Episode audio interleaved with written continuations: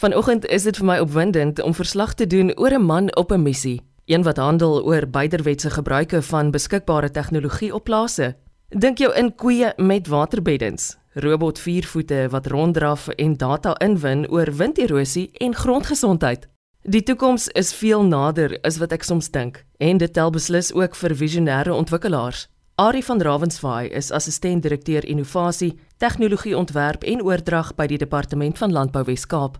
Hy pas terug van 'n internasionale feitevindingsmissie na onder andere Engeland en in die wêreldbeker van moderne landboutoepassings speel Suid-Afrika reeds in die uitkloprondes. Dit was baie insiggewend om te kyk in die landbou en tegnologie rigting wat ek nogals geïnteresseerd is in. Het my oë oopgemaak vir wat hulle doen. Dit is nie totaal vergelykbaar met Suid-Afrika natuurlik nie. Dit is heeltemal 'n ander dinamika wat hulle daar het. Maar die gebruik van robotte eerstens het my gevang. Waar ons nogal baie fokus op die hommeltuig tegnologie, het hulle meer gefokus op die robot gebruik en autonomous soos ons sê, wat rondry op sy eie skoonmaak, dinge opneem en terugstuur na 'n sentrale rekenaar verwerkings doen en data uitspuug vir ons. Dit is 'n tegnologie waarin ons verseker moet belê en begin kyk na. Dit gaan nie oor die werk wegvat van mense buite en goed en en werk doen nie, maar dit gaan vir ons in die navorsingsrigting eerstens wees waar ons kyk na dataversameling. Dit kan ongelooflik nuwe goeders en oopmaak vir ons.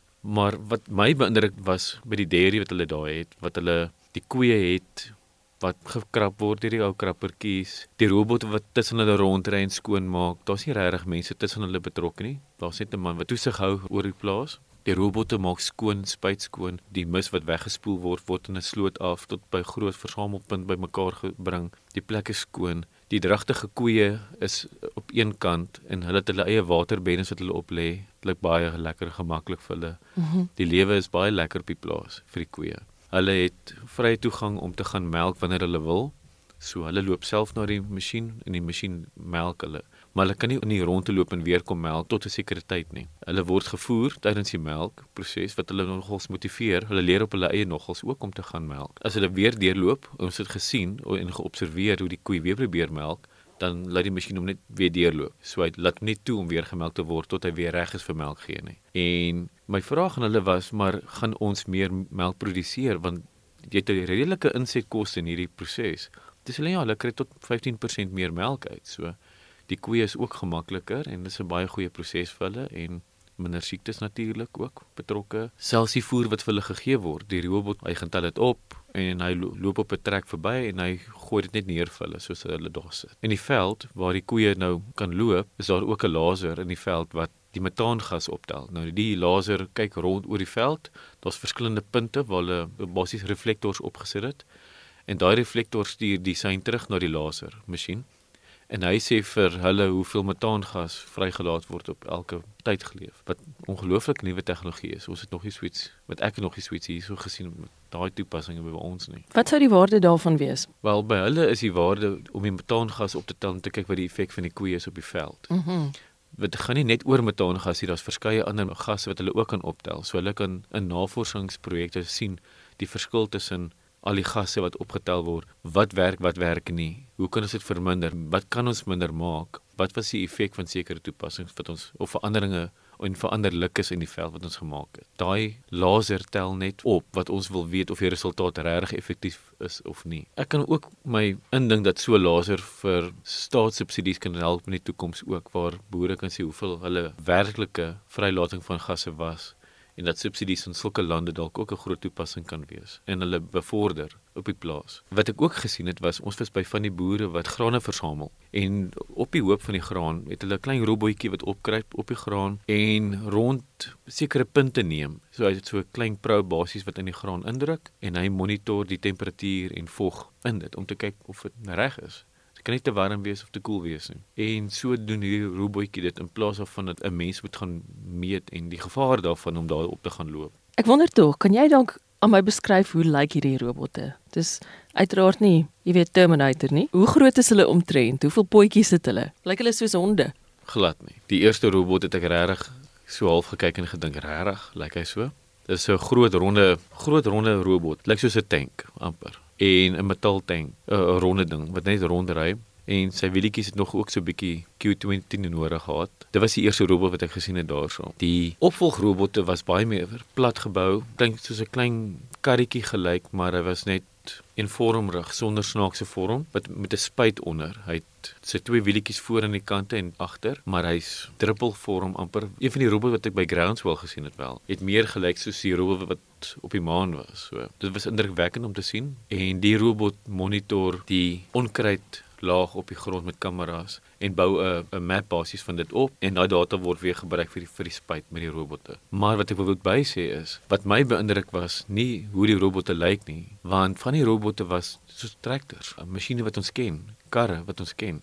Hulle vat binne een van die universiteite waar ons was, vat hulle die voertuie en outomatiseer hulle. So hulle bou GPS in, bou al hierdie tegnologie in die bestaande voertuie en laat hierdie voertuie self rondry. Die grootste masjien wat ek gesien het was 'n masjien wat oes op sy eie ook, wat hulle self oorgedra het. En by een van die universiteite het hulle 'n hektaar, 'n plek gebou waar robotte kan ingaan.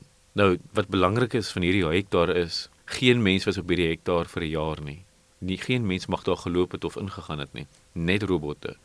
So die robot moes self ingaan, plant, oes, spuit, wat hulle alles moes doen, dit mag net robotte gewees het. Hulle vat dit nou verder en kyk hoe ver hulle kan vat en wat kan hulle nou nog verder bou met dit. En dit het 'n klomp studente wat aan projekte nou werk vir outomatisering van landbou. Watter lande is op hierdie stadium die grootste vervaardigers van hierdie tipe robot? Daar's verskeie lande wat ek al van gehoor het, Australië, Israel, daar waar ons nou in Engeland was. Baie van hierdie plekke toets hierdie tegnologie en kyk hoe robotte kan werk in die veld. En daar is definitief 'n plek vir dit. Daar's werke wat gedoen kan word deur robotte wat nie noodwendig deur mense eers gedoen word nie. Baie mense is bekommerd hierdie goed gaan ons werk wegvat. Maar wat as ons meer kan produseer met 'n robot en 'n meer winsgewend kan wees in velde waar daar steeds nie mense is in elk geval nie. Ons het nie mense wat 100% van die dag gebruik om onkruid uit te trek nie. Maar wat as ons robotte in die veld implementeer wat op sonpaneelkrag werk rondry met 'n laser. En ons het dit daar gesien. Hulle het 'n robot wat met UV lig onkruid doodbrand. Al wat hy doen is hy ry tel met die kamera die onkruid op die, met die verskillende frekwensies wat hy ingebou het en hy staan en hy brand onkruid dood soos hy aanry. Dit kan ons winsgewendheid op die plase bevorder, maar dit kan ook maak dat ons meer produseer in die toekoms. Ons moet bietjie meer met 'n ander insig na hierdie tipe tegnologie kyk. Mm, met 'n nuwe lens miskien. Ja. Is dit moontlik om hierdie tipe robot te byt? Ja en nee.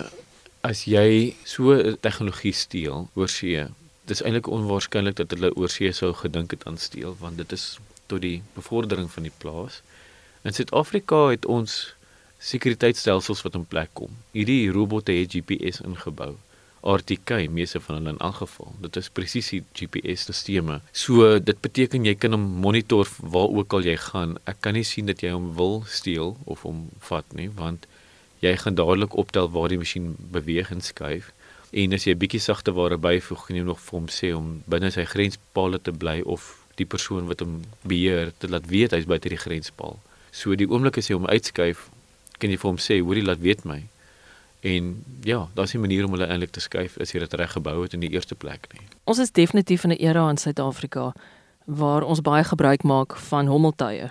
Ook te danke aan mense soos jy wat jy weet die inligting oordra en wat boere touwys gemaak het oor die afgelope paar jaar. Ek dink aan die toepassings daarvan. Eerstens, dit help definitief met sekuriteit. Ons weet van boere wat dit gebruik in die Karoo om hulle skape aan te jaag. Die gebruike hiervoor is legio. Jy weet dit baie meer as ek.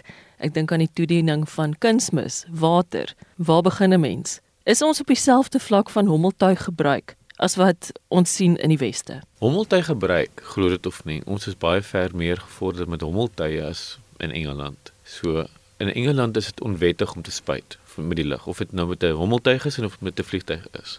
So hulle spuit toe die ding bestaan nie. Hulle het 'n ander meganisme in plek. Hulle het wel hommeltuie wat hulle gebruik, maar dit is redelik beperk teenoor ons. Ons pas meer waarde toe met hommeltuie dink ek as wat ek oorsee gesien het sover. En hommeltuie het versekerde plek. Hommeltuie is nie noodwendig die tool wat ek sê wat ons oral moet gebruik nie.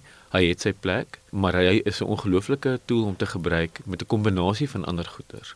Sagte ware en harde ware moet saam begin praat.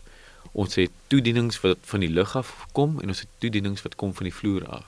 So daar's 'n plek waar ons moet kyk na outomatisering van voertuie en 'n kombinasie daarvan om te gebruik en dataversameling met hommeltuie. Elkeen het sy plek en elkeen help op 'n ander manier wat ons moet reg verstaan. Maar die hommeltuig gebruik in Suid-Afrika is goed. Of dit nou met die frekwensietelling is om te kyk vir die NDVI met die verskillende multispektrale kameras wat ons gebruik al en gekyk het hoe ons daai data kan oorvoer na spuit toe. En of dit nou gaan oor laai daar data vir die ingenieurs om te kyk hoe damme bou en of dit nou is vir eenvoudige termies om diere te gaan soek in die nag. Ons toepassings maak ons baie goed en ek dink wat ons waardevol maak in Suid-Afrika is, ons boere maak 'n plan met tegnologie veral. Hoe ver is ons van self hierdie tipe robotte raakloop op Suid-Afrikaanse plase? Ek sal nie verbaas wees as daar 'n paar boere is wat al klaar het om begin toets dit nie en bou dit nie. Ons het nou nie groot kommersiële produkte beskikbaar wat robotte behels nie. As ons praat van robotte en dan praat ek van outomatisering van trekkers, ons het dit wel ja, maar as ek sê robotte, goeders wat navorsers gebruik om in die veld te toets. Ons het die dassie en die universiteite speel baie rond. Maar nie op 'n vlak waar ek sien boere dit gebruik. Boere is wel welkom met my kontak te maak indien hulle rondspeel met dit. Ek sal lief om te hoor van wat hulle doen en met hulle kontak te maak. Ons sal graag meer wil sien hoe ons hierdie kan gebruik en toepas en of mense dit self bou en of hulle ietsie al ingebring het ook om te gebruik. Ek weet die Universiteit van Pretoria het so 'n jaar en 'n half terug het hulle my vertel van die robot hond wat hulle gebou het en wat definitief van waarde kan wees in die toekoms in terme weer van plaassekuriteit. Ja, so 'n hond raak moeg en wil slaap. 'n Robothond wil nie noodwendig slaap nie. Hy kan aanhou. Gee net vir hom genoeg battery kapasiteit en hy sal hou. So die waarde daarvan is ja, jy het sekuriteit, maar wat as jy dubbel funksie kan inbou? Hulle het nou begin kyk na die tegnologie verskerp met multispektrale tegnologie waar hulle 'n baie kleiner kamera onlangs ontwikkel het wat multispektrale tegnologie behels. Dit beteken ons kan baie meer kompakte kameras ontwikkel. As daai kameras kan gebou word binne in die robotte wat ons nou na kyk en hulle dien as 'n sekuriteitsmiddel, maar ook 'n evalueringmiddel waar ons kan deur ons plase hardloop en soos hulle monitor kyk hulle na die gesondheid van ons plante. En indien hulle iets optel dan kan hulle vir ons die plaas eienaar waarsku rondom die gesondheid van sy plante. Dink aan wat se bydraes dit kan maak in die toekoms waar ons een robot wat verskeie funksies verrig op die plaas.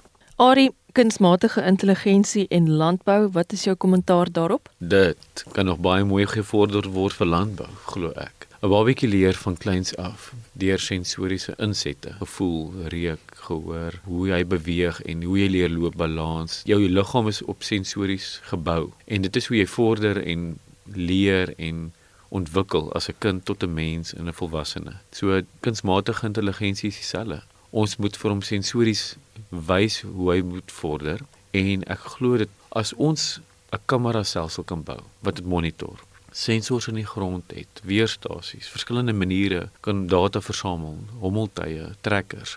Soos ons verbygaan, elke beweging rondom die plaas is 'n sensor wat iets optel wat 'n verandering is.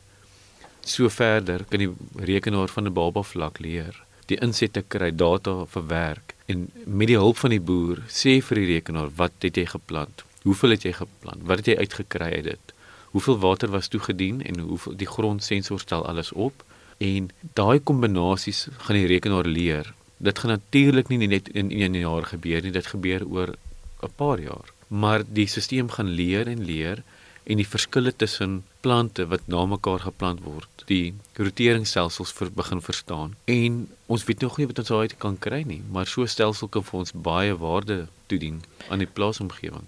Ari van Ravenswaai is assistent direkteur innovasie, tegnologie ontwerp en oordrag by die departement van landbou Wes-Kaap. Dese program wat jy kan hou as digitale aandenking na 'n besoek aan www.rsg.co.za.